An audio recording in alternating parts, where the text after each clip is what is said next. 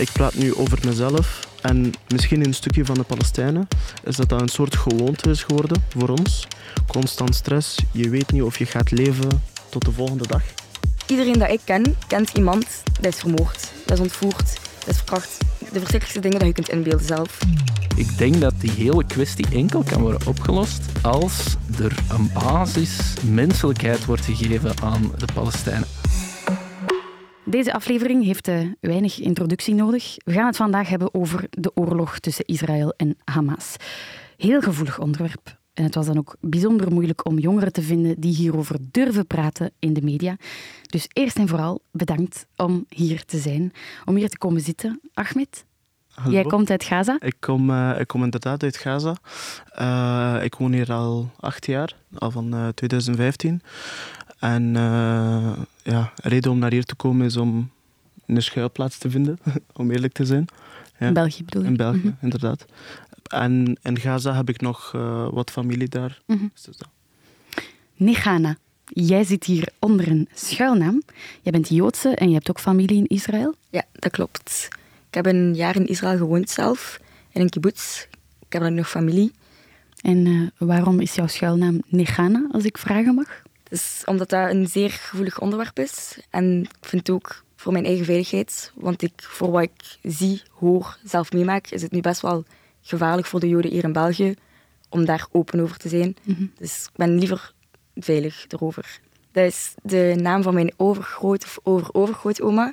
Dat is gestorven in de holocaust. Dus het is eigenlijk ook een soort van een eer tegenover haar. Ja. En Rickert Horemans, jij zit hier als expert aan tafel, als ik het zo mag zeggen. Jij komt de oorlog uitleggen. Ja, dat is mijn rol, inderdaad. Uh, ik heb onlangs een doctoraat afgerond in internationale betrekkingen met focus op Midden-Oosten en ben sinds kort beleidsmedewerker voor Israël en Palestina bij Broederlijk Delen. Waarover gaat deze oorlog? Waarom reageert de wereld zo heftig? En hoe komt de oorlog binnen bij Israëli en Palestijnen in ons land? Dat hoor je in deze aflevering van Snapt je mij nu? Een podcast waarin ik, Orly Boffé, met jullie in gesprek ga over de dingen waar we van wakker liggen. Welkom.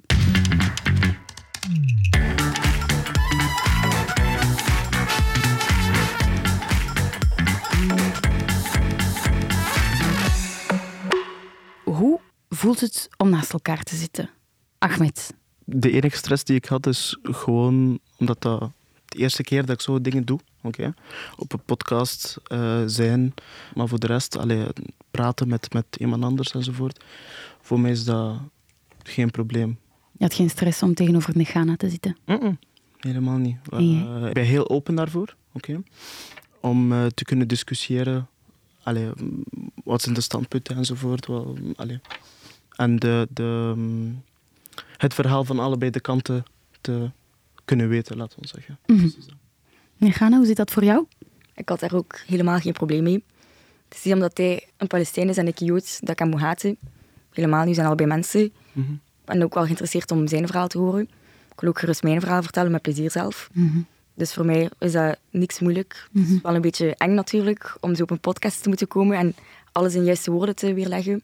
Mhm. Maar ik voel mij zeker op mijn gemak. Dat is uh, leuk om te horen. Jullie verhaal, daar gaan we straks verder op ingaan.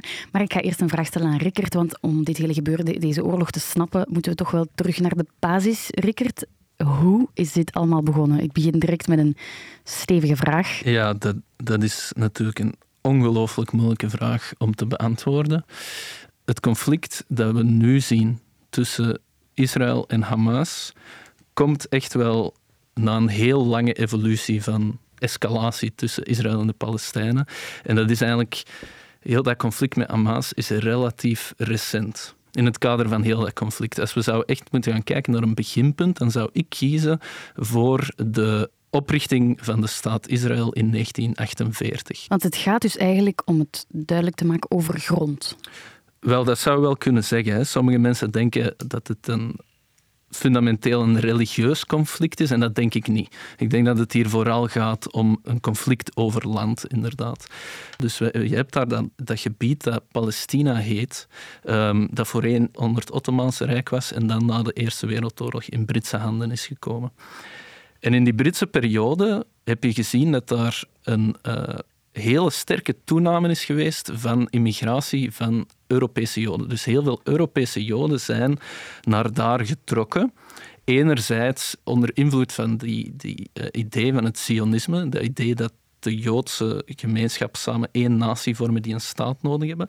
Maar anderzijds, en dat is toch wel heel belangrijk, zijn die ook gevlucht voor de enorm gruwelijke jodenvervolging die in Europa al ja, decennia, of om niet te zeggen eeuwen aan de gang was, hè, mhm. maar die dan vooral tussen die twee oorlogen en in aanloop naar de Tweede Wereldoorlog uh, een enorme toename heeft gekend met beleid van Nazi-Duitsland en uiteindelijk met de verschrikking van de holocaust. Mhm. Dat heeft ervoor gezorgd dat er eigenlijk in dat land een steeds grotere Joodse gemeenschap is gekomen. Mhm. En dat heeft de verhoudingen tussen die twee bevolkingsgroepen, want we moeten wel duidelijk zijn, daar was op die moment leefde daar al een, een bevolking. Uh, dat was een Arabische bevolking, zowel christenen als moslims. Uh, en die waren daar in de grote meerderheid. En tussen die twee bevolkingsgroepen heeft dat tot enorme spanningen geleid. En op een gegeven moment heeft de Britse overheerser gezegd van kijk, dit probleem, de Verenigde Naties moeten dat oplossen. Mhm. En de Verenigde Naties heeft toen besloten dat het land verdeeld zou worden. 55% zou naar uh, de Joodse gemeenschap gaan, 45% naar de Palestijnse gemeenschap. Nu, het zat zo dat op die moment was de Joodse gemeenschap de kleinere gemeenschap. Er waren ongeveer 600.000 Joden tegenover 1,2 miljoen uh, Palestijnen. Dus dat was een oplossing die de Palestijnen toen niet aanvaard hebben. Mhm. De Joden hebben die, of de Joodse gemeenschap daar heeft die wel aanvaard. En meteen heeft die leider van de Joodse gemeenschap de staat opgericht volgens dat plan. Mhm. Wat meteen ook uh, tot een oorlog heeft geleid, niet alleen met de Palestijnse bevolking die daar al aanwezig was, maar ook met de omringende Arabische landen. Die oorlog, Israël heeft die gewonnen. En er is een wapenstilstand afgesproken, volgens welke de 78% uiteindelijk van het gebied de staat Israël is geworden. En 22% is wat we vandaag de bezette Palestijnse gebieden noemen. Uh, de Gazastrook en de westelijke Jordaanoever. En ik denk dat het dat moment is waar we vandaag best beginnen. En ja, dat, dat de, de strijd... Ik gebruik niet graag het woord conflict eigenlijk, maar... Uh, Waarom niet? Wel, een conflict impliceert dat we hier twee gelijke partijen hebben. En dat is op dit moment niet meer het geval, denk ik. Uh, als dat ooit al het geval was. We hebben een, een militaire supermacht, Israël, die ook uh, het grootste deel van de internationale gemeenschap achter zich heeft. En um, een onder ja, toch wel systematisch onderdrukte bevolking in Palestina. -hmm. Er is ook nu een heel rechtse regering aan de macht in Israël. Heeft dat ook voor een escalatie gezorgd, hoe dat we ze vandaag zien? We hebben inderdaad die, die de, misschien de radicaalste rechtse regering ooit in Israël, waar toch een aantal individuen in zitten die niet enkel die bezetting willen verder zetten, maar zelfs echt de kolonisatie van het Palestijns gebied willen verder zetten. Hè. Um, daar ook heel open in zijn. Tegelijk hebben we ook aan de Palestijnse kant, zoals jullie uh, natuurlijk allemaal weten, zijn daar dus de standpunten ook over de jaren verhard uh, naarmate een oplossing is uitgebleven. Hè. Want Hamas is een beweging die, die in de jaren 90 is opgekomen, uh, die heel dat vredesproces niet aanvaarde en dan zelfmoordaanslagen is beginnen plegen. Um, op die moment was Hamas natuurlijk minder, had die minder uh, macht, zo zeggen dan vandaag. Dat was een relatief kleine beweging. Maar je ziet wel dat naarmate dat conflict intenser is geworden, die kwestie moet ik dus zeggen, uh, dat, dat ook dat soort standpunten aan de Palestijnse zijde meer een voedingsbodem hebben gevonden. Mhm. uh, dus ik zou zeggen dat het uitblijven van een oplossing aan beide zijden gezorgd heeft voor radicalisering.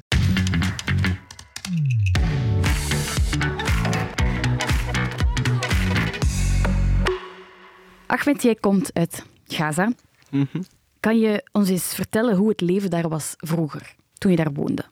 Um, jij bent nu 21 jaar. Tot wanneer heb je daar gewoond? Uh, tot mijn uh, dertiende, ja. Dus het is, het is letterlijk een, een, zoals we dat zij het nu zeggen, een, een openluchtgevangenis, de grootste. Oké.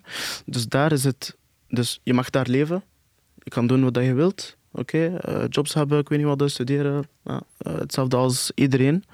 Maar je mag niet naar buiten. Er staat ook een muur rond Gaza. Mhm, mhm.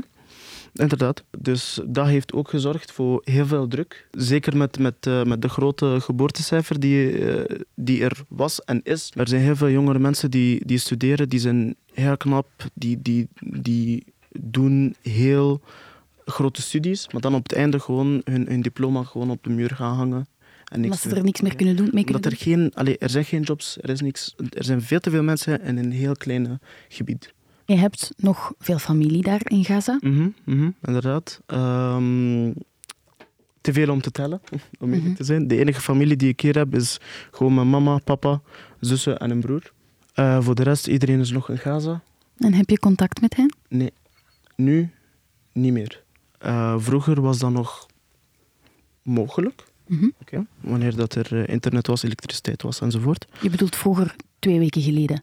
Ja, maar eh, de laatste drie, vier dagen was dat zo dat alles was gewoon weg. En nu het enige manier om te weten of alles is oké is met onze familie, is gewoon letterlijk het nieuws te bekijken.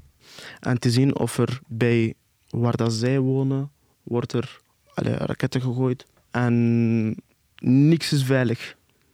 En bijvoorbeeld, gisteren hadden we de informatie gekregen via de nieuws hè, dat het huis van, van mijn vrouw werd opgeblazen. En we weten nog steeds niet of allee, haar familie is nog aan het leven of niet. Ik vind het super straf dat je dat komt vertellen, dat je dat kan zeggen. Hoe ga je daarmee om, met zo heftig Ehm, nieuws? het, is, het is natuurlijk heel, ehm, eh, heel stressend, heel, heel, heel slecht om te horen. Zeker als je, bijvoorbeeld wanneer dat de oorlog is begonnen. Ja, eh, we waren net wakker en dan opeens kregen we een telefoon van, van eh, mijn schoonmoeder. En eh, ja, ik kreeg gewoon een telefoon van Ahmed, zorg goed voor mijn dochter. hè. ik weet niet of, of ik jullie ga nog terugzien. Ik was van, wat is er aan het gebeuren? Oké, ja, een oorlog is gestart. En dan hebben we de nieuws gezien en die hele... Allee, de herbeginning van een oorlog, laten we zeggen, is, is, is nog een keer gestart. Hè. Dus dat was, dat was eh, heel erg om ermee te beginnen, om eerlijk te zijn. Eh, maar er is één ding, en ik praat nu over mezelf en over misschien een stukje van de Palestijnen, is dat dat een soort gewoonte is geworden voor ons om over deze onderwerp te praten. Want dit is gewoon ons leven, is hoe dat we leven de hele tijd. Constant stress, je weet niet of je gaat leven tot de volgende dag. Dus eh, die eh, YOLO, laten we zeggen, you only live once, dat, allee, we gebruiken dit letterlijk elke dag.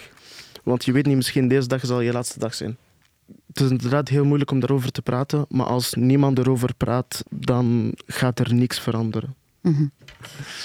Rana, ik wil ook even naar jou gaan. Die zaterdag, 7 oktober, is ook voor jou heel hard binnengekomen. Kan je mij vertellen hoe dat jij die hebt beleefd? Dus ja, zaterdagochtend.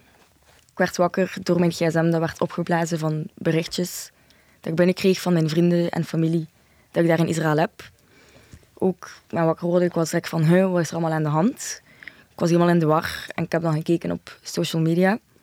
En ik zag daar allemaal beelden van hoe dat de Israëlische bevolking werd uitgemoord door Hamas, een terroristische organisatie, vind ik. Ze zijn binnengedrongen in de huizen van, onschuldige, van de onschuldige bevolking. Ze zijn in kibbutzen binnengegaan. Een kibbutz is een concept dat staat voor de vrede. Een soort community waar de mensen wonen dat voor de vrede zijn. Ze zijn daar binnengedrongen. Ik zag dat daar mensen werden neergeschoten, onthoofd, baby's ontvoerd op een feest aan, eh, in, in het zuiden, waar dat eh, opeens op iedereen is bijna ges- geschoten worden en zo. Dus voor mij was het allemaal zeer chockerend, omdat het helemaal plotseling was. En ja, dat was eigenlijk echt verschrikkelijk om wakker te worden eigenlijk. Dat mijn vrienden daar zaten. Wie, wie zit er voor jou allemaal nog in Israël? Je zegt jouw vrienden. Ik heb mijn onkel, dat daar woont in Jeruzalem, met zijn familie. Ik heb in de kibbutz zeer veel vrienden gemaakt. Ehm, ik heb daar ook samen gewoond met jongen waar ik een relatie mee had. Dus er zijn wel zeer veel mensen waar dat mijn gedachten bij vastzitten eigenlijk. Hoe voelen zij zich? Heb je contact met hen nu? Het, is, het is zeer lastig. Het is, ja, veel mensen noemen dit een oorlog. Ik zie dat een beetje anders. Het is geen oorlog tussen de Palestijnen en Israël. Voor mij is dat Hamas, een terroristische organisatie, tegen de Israëlische bevolking, in mijn ogen. Dat is zeer lastig, omdat iedereen dat ik ken, kent iemand dat is vermoord, dat is ontvoerd, dat is verkracht. De, de verschrikkelijkste dingen dat je kunt inbeelden zelf. Of dat daarbij was zelf, mijn familie. De, kinder, de stiefkinderen van mijn onkel waren op een feest in Jeruzalem, dat ze daar zijn binnengekomen en beginnen rondschieten. Dus ze hebben allemaal verschrikkelijke dingen gezien. En het is zeer zwaar ook, zoals je weet in Israël, is iedereen verplicht om het leger te doen voor twee jaar voor de vrouwen, drie jaar voor de mannen. En je kunt dan elk moment eigenlijk daarna worden teruggeroepen. Veel van mijn vrienden zitten nu dus ook in het leger. Mijn ex-vriend waarmee ik samen woonde is ook opgeroepen geweest voor het leger. Het is allemaal zeer bang. Ze zijn zeer bang wat er nog kan gebeuren. Veel schuilen. Het is, niemand weet echt wat te verwachten, wat er kan gebeuren. Hoe dat gaat verder uitdraaien. Dus het is eigenlijk echt allemaal gewoon afwachten in angst. Mhm. Ik heb ook een app op mijn gsm, waar ik overal zie waar de raketten binnenkomen in Israël. En als ik zie van, ah, dat is echt bij mijn vrienden, dan contacteer ik hen of dat alles oké is. Mhm. Dus probeer zoveel mogelijk, in hoeverre dat mogelijk is, contact te houden met iedereen. Dus je bent er ook wel permanent mee bezig. 24 op 7. Het nieuws staat 24 op 7 aan bij ons thuis erover.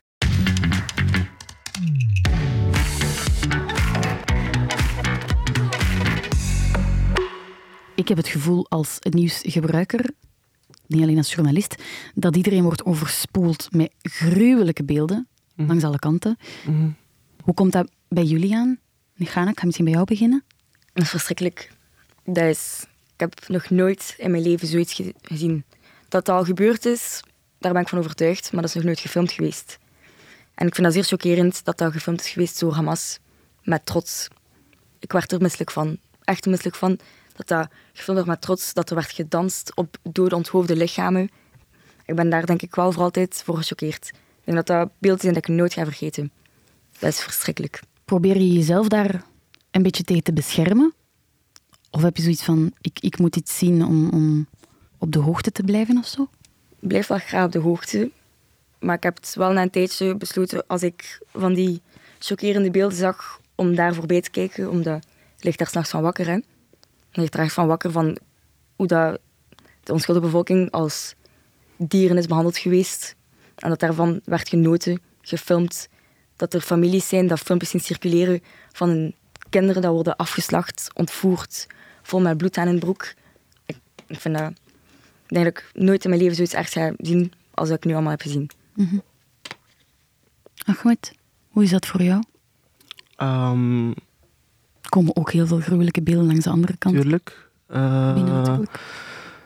Maar het ding is met, met ehm, de Palestijnen, wat dat je nu ziet op het nieuws, we zien dat elke dag.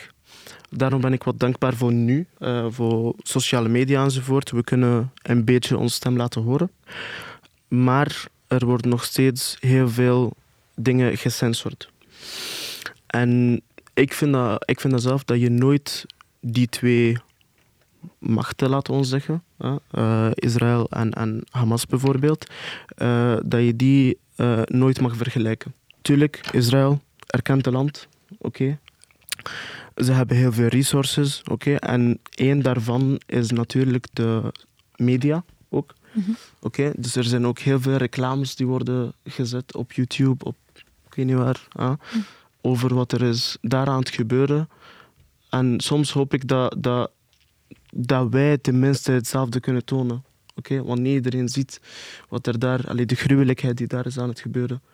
Er zijn niet alleen veel beelden, maar er, er wordt ook met een zekere agressie naar elkaar gegooid op sociale media. Mensen worden heel snel boos. Ehm, wat vinden jullie van, van de manier waarop dat er tegen elkaar wordt gesproken online? Ik ga dat misschien eh, aan jou eerst vragen, Ghana. Jij hebt verschrikkelijke berichten binnengekregen. Misschien moet je eens vertellen wat dat je allemaal binnenkrijgt, wanneer dat is begonnen. Ja, zaterdag is ehm, de hele situatie begonnen eigenlijk. En eh, ja, zoals ik zei, dat ik vond dat mijn hart brak. Ik heb daar zeer veel van over gedeeld op mijn sociale media. En ik heb daar eigenlijk zeer veel negatieve reacties over gehad. Verschrikkelijke berichten zelf eigenlijk. Zeggende, sorry voor mijn taalgebruik, van... Ik ga je vuile, hoeren, jodenmoeder neuken. Ik hoop dat Hamas dat bij u doet. Haha, zo grappig. Ik haat u, jij vuile jood. Zelfs als ik foto's plaats met mijn gezin. Drie vuile terroristische joden naast elkaar. Echt de verschrikkelijkste dingen. heb altijd al wel een beetje gehad dat ik werd gehaat of haatberichten, puur omdat ik Joods was. Maar nu is eigenlijk veel meer naar, bo naar boven gekomen. En dat mensen toe mij toewensen dat dat mij ook overkomt. Dus echt, ik heb verschillende berichten binnen gehad, ook vrienden van mij. Echt, het was zeer chockerend. Het is ook iets dat, dat maakt je bang, hè. Dat je zo'n berichten binnenkrijgt, van, dat je echt wordt gehaat, puur omdat je Joods bent eigenlijk. En dat is altijd al geweest? Dat is altijd al geweest. In het lager was dat ook altijd al. Als kind, ja bon, je zit daar niet echt bij stil. Maar dat is ook wel een feit in mijn familie, van de generatie op generatie, wordt al gezegd van... Je zegt dat tegen niemand dat Joods bent. Dat is gevaarlijk. En toen ik deze beeld zag, dacht ik, genoeg is genoeg. Ik kan niet meer stil zijn. Ik kan niet meer alles slikken en hier gewoon erbij zitten en dat er niet wordt over gesproken. Want ik vind wel, jammer genoeg, wordt de, Isra de Joodse Israëlische kant zeer weinig getoond. Het is altijd, de Palestijnse kant wordt wel zeer veel getoond in België op nieuws. Constant. En nu heb ik besloten om een keer de Israëlische kant te tonen. En ik heb ook zeer veel volgers verloren op Instagram. Zeer veel vrienden die mij hebben geblokkeerd op alles. En ja, die verschrikkelijke berichten dat ik binnenkrijg. hè. Dus ik ben bang soms om naar buiten te gaan. Ik ben daar echt wel bang voor soms. Dat is mijn angst dat er opeens mij iets zou kunnen overkomen. Vooral ook dat er is opgeroepen geweest om alle Joden ter wereld pijn te doen. Dus dat is, ik ben bang als ik uit mijn huis kom dat er opeens achter de hoek iemand mij staat op te wachten. Mijn ouders op hun werk. Er zijn veel mensen dat weten dat ik Joods ben. Dus het is eigenlijk... Ik, leef echt in angst en mijn familie ook. Het is echt een angstleven met alle berichten en alle haat dat ik erbij krijg. Ik vind dat zeer jammer, zeker omdat België een vrij en democratisch land is. Iedereen mag zijn wie hij wil, overal in België. En ik vind dat die plaats voor Joden er niet is. Jij wou hier ook komen zitten vandaag. Wat hoop je dan dat dit gesprek zal opbrengen? Ik wil dat de Israëlische Joodse kant wordt gehoord. Ook de Palestijnse kant. Natuurlijk, ik wil ook dat mensen weten, het is niet omdat ik een Jood ben, dat ik alle Palestijnen haat en dat ik daar echt een wrok tegenover heb. Helemaal niet. Maar ik vind het zeer lastig om door de dag heen te gaan, al zienend dat wat de Hamas heeft gedaan tegen de Joden, de Israëlieten, dat dat gerechtvaardigd wordt met wat er is gedaan geweest over al die jaren heen in Palestina. Ik vind niks rechtvaardigd wat er nu is gebeurd en ik wil dat die kant ook wordt getoond. Ik wil dat er misschien een keer geluisterd wordt naar ons. Ja. Ahmed, ik zie jou ehm, knikken. Snap je? Ik Die snap kant het ook. natuurlijk. Tuurlijk, tuurlijk. Allee, ik kan ook mezelf zien in haar verhaal. Mhm. Want als je naar, allee, als je naar de moslimkant gaat kijken, oké, wij worden altijd gezien als terroristen. Oké, en dat was ook altijd het geval op school. Hè? Mhm. Eh, zo van, hé Ahmed, kom, kom, kom, Allah Akbar, boom. Hè? Eh, gewoon altijd dat dat, dat dat gewoon een normale ding om te zeggen. Oké, dat Arabieren of moslims zijn terroristen. Oké. Mhm. Eh, tuurlijk, daarbij eh, is er ook een hele grote onveiligheid. Dus hetzelfde als Mhm. hoe is het bij jou? Allee, bijvoorbeeld nu draag ik hier mijn sjaal, oké, mijn eh kofia. En Kan je die even beschrijven? Want het is een podcast, mensen Ah, zien ja, die niet. Eh, dus het is, eh, het is een, eh, een wit, zwart en grijs sjaal met eh, tekeningen daarop. Die is het symbool is van de Palestijnen. Eh, als ik die draag bijvoorbeeld op straat, word ik dan gestopt door politie. En dan gaan ze zeggen van, ja, je mocht hier niet manifesteren. Maar allee, ik draag dat elke dag. Ik heb niks misgedaan. Hè. Ja. Dus Ja. je herkent je ergens wel in het Ik herken dat helemaal. Natuurlijk. En met, met de haat en zo, ik vind dat dat moet allemaal natuurlijk gestopt zijn. Op een of andere manier, want op het einde we zijn allemaal mensen. En eh, op het einde, er kan ook vriendschap gebeuren tussen alle twee de kanten. Oké? En ik praat ook daarover, want ik heb zelf eh, vrienden die uit Israël zijn. Mhm. Ik heb zelf ook Palestijnse vrienden. Mhm. Zie je? Dus dit allemaal kan gebeuren. Oké? Het is mogelijk, maar het is. Allee, maar wat er nu wordt gebeurd is wel heel moeilijk. Rickert, ik hoor langs allebei de kanten, Mhm. vooral over de media, dat ze zichzelf niet gerepresenteerd vinden en dat de kant van Israël en de kant van de Palestijnen niet genoeg aan bod komt. Of de een of de ander nu meer of minder wordt gerepresenteerd in de media, dat weet, ik, dat weet ik eigenlijk niet. Dat kan ik niet zeggen. Dat hangt er ook heel erg vanaf wat dat je eigen perspectief is, eh, Mhm. natuurlijk. Persoonlijk vind ik dat ehm, als we gaan kijken naar politieke spelers, andere landen, de Verenigde Staten, de Europese Unie, eh, die toch ook heel veel in de media aan bod komen, hè, dat daar het Israëlische perspectief eigenlijk vrij kritiekloos wordt overgenomen.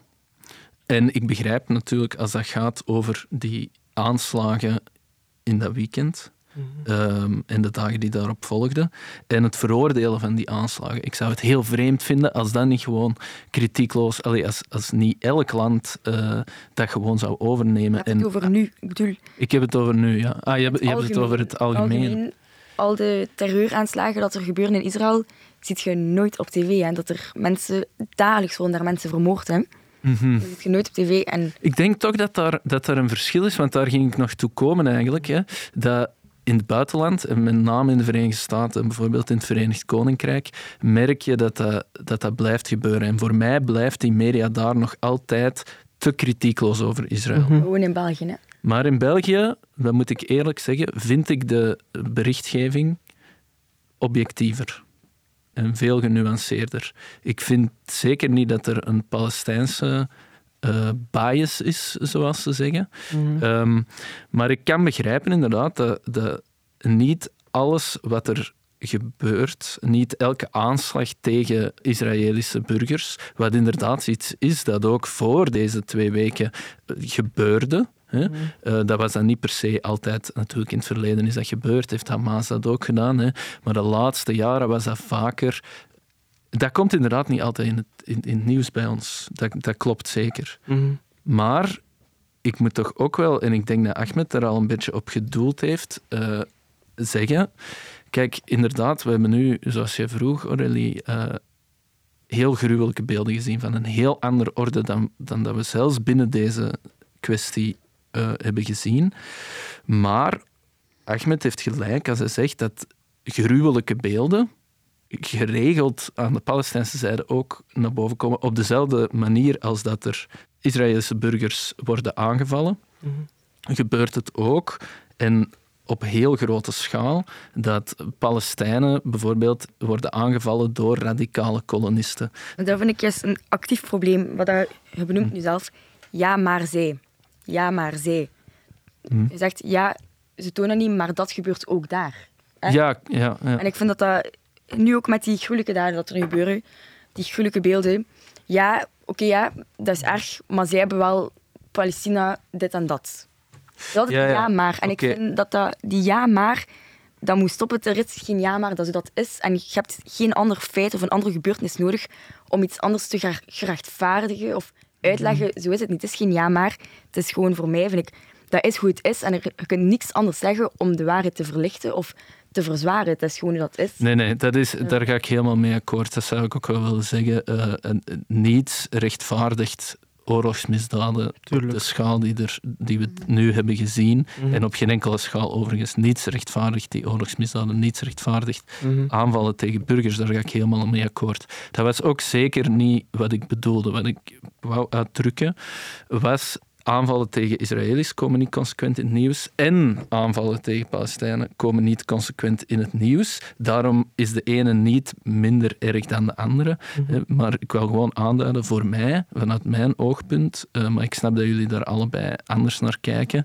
heeft tenminste de Belgische media is redelijk genuanceerd en laat beide perspectieven aan, aan bod voor mij. Mm -hmm. Ik wil nog eventjes inpikken op wat jij zei. Um, heb jij, als ik afga op jouw reactie, heb jij het gevoel dat mensen afgestompt worden voor het menselijk leed dat er is geleden door de berichtgeving, doordat mensen oproepen om een kamp te kiezen of zo? Volledig. Dus dat is het ding. Niemand spreekt erover hoe erg dat is, omdat er dan wordt gekeken van wat er wordt gedaan tegenover de Palestijnen. De vergelijking al. Het is altijd de vergelijking en ik vind, je hebt geen vergelijking nodig. Het is onmenselijk wat er gebeurt. En het is niet omdat er ergens anders iets ergs gebeurt dat dat opeens wel menselijk is. En dat vind ik zeer moeilijk. En ik zie dat overal op sociale media in de comments van ja, maar zij hebben dat gedaan. Ja, maar zij hebben dat gedaan. Mhm. De burgers hebben niks gedaan. De burgers zaten waarschijnlijk lekker in een zetel tv te kijken toen dat er binnen werd gedrongen mhm. en van alles afgeschoten werd en ik weet niet wat allemaal. Mhm. En al zouden ze iets gedaan hebben, dat, ik vind dat dat onrechtvaardigbaar is. En ik vind de jeugd vooral, van mijn leeftijd, de jongeren, zijn dat allemaal aan het rechtvaardigen. Velen zijn er zelf trots op. Jammer genoeg zie ik dat zeer veel passeren, dat mensen dat fantastisch vinden en zeggen van, ah, hoe meer, hoe beter. top, geweldig. Mhm. En dat is gewoon, zoals gezegd, dat wordt gelijk van, het zijn Joden, dat is niet erg, want zij doen dit en dat. Mhm. Dus ik vind dat, ik vind dat zeer, dat maakt me soms echt super kwaad. Mhm. Mijn hart breekt voor de Joodse mensen, ook voor de Palestijnse mensen, wat er allemaal gebeurt. En ik vind gewoon, ik kan die pijn voor beide kanten voelen. En ik vind dat mensen dat ook moeten doen. Voel de pijn langs beide kanten. En Ja. jammer genoeg weigeren veel mensen dat, Ja. dat te voelen eigenlijk voor Israël. Vinden jullie dat je in deze discussie neutraal kan zijn en, en de slachtoffers aan beide kanten kan betreuren zonder voor één partij te gaan staan? Het is een moeilijke vraag. Iedereen heeft zijn eigen recht. Iedereen eh, mag doen gelijk wat, dat ze, gelijk wat dat zij willen. Je kan altijd neutraal zijn, vind ik. Maar dat er wordt altijd gebruikt met het kant kiezen van de een of de andere, is weer de dehumanisatie van de andere kant. Eh, bijvoorbeeld wat je net had gezegd hè, over eh, Israëlieten. Iedereen zegt ja, de meer de beter enzovoort. Hè. Ik zal ook hetzelfde zeggen over Palestijnen. Hè. Want Palestijnen worden ook getoond door veel media en door de, de officiëlen van Israël dat zij gewoon human animals zijn. Dus als de menselijkheid wordt van jou getrokken, dan gaat er natuurlijk minder sympathie er zijn met jou. Maar ik zie wel dat Palestijnen hun basisrecht niet krijgen. Ja, het is gewoon het basisrecht van het leven. Gewoon goed en vrij leven. Los van alles wat er voor twee weken geleden is gebeurd, wat er nu aan de hand is, is geen oorlog tussen de Palestijnse bevolking en Israël. Mhm. Ik vind het is een oorlog tussen Israël en Hamas. Want dat is, het gaat niet meer om land nu, vind ik. Nu, op dit moment, draait het niet om land. Het draait erom van dat de Joden in Israël dood moeten. Mhm. Daarmee ben ik helemaal niet akkoord. De kwestie tussen, of de oorlogen die gebeurden tussen Palestina en Israël, zijn allemaal politiek, puur politiek en grondgebonden. Want als je kijkt Het naar over nu, hè. juist deze twee weken. Hè. ehm, deze twee weken en nog wat er eh, vroeger was. Dus je hè. En ook nog wat, wat nog er zal komen. Proportioneel is het een ook nooit heel... eens zijn met elkaar, dat weten we allebei. Hè. Dat is Waarom niet? Maar nooit, waarom dat niet? is onmogelijk. Je hebt, het is, niks is nooit mogelijk. Oké, Er is altijd de mogelijkheid om een soort peace te kunnen hebben met de anderen. Oké, Ja, dat sowieso. We kunnen altijd altijd. daarover praten. Altijd. kunnen altijd gewoon goed zijn in hun leven. Want vroeger, als je kijkt naar allee, de jaren voor eh, 1948 en voor 2005 ook, Leefde iedereen samen. iedereen leefde samen. Mhm. Iedereen leefde goed samen. Ik heb nog een laatste vraag voor jou, Rickert. Ehm, hoop jij op een oplossing door, door ja, diplomatie en, en, en bemiddeling? Kan een verdere escalatie nog vermeden worden? Op dit moment ehm, hoop ik, ik hoop daar natuurlijk heel erg op dat dat meteen vermeden wordt. Want ja, elke dag vallen er meer en meer doden. Eh, die cijfers zijn echt ontstellend. En eh, overigens denk ik dat dat he- helemaal niks gaat uithalen eh, om tot een oplossing te komen. Ik denk dat het, die hele kwestie enkel kan worden opgelost als er een basis menselijkheid wordt gegeven aan eh, de Palestijnen. En daar heeft Israël een heel grote rol in. En daar heeft de, de internationale gemeenschap ook een hele grote rol in om dat te proberen af te dwingen. Goede woorden om op af te sluiten. Dit was een van de moeilijkste, maar ook een van de belangrijkste afleveringen van deze reeks. Nog een laatste vraag. Hoe voelde het voor jullie? Moeilijk. Moeilijk om je emoties in te houden. De woede, de verdriet, de pijn. Zeer moeilijk om het niet de bovenhand te laten nemen. Vond ik. ik vond dat zeer moeilijk. Hetzelfde. Er is altijd een soort moeilijkheid erbij. Maar het moet gezegd worden op het einde. Ik vond het een heel mooi gesprek en ik wil jullie heel erg bedanken om hier langs te komen. Dank jullie wel, allebei. Alle drie, jouw cricket. Graag gedaan. De oorlog komt voor veel mensen hard binnen en lokt ook heel wat heftige reacties uit. Als je je onveilig voelt of gewoon nood hebt aan een babbel, kan je altijd terecht bij Teleonthaal of bij AWEL. Bedankt voor het luisteren en tot de volgende keer.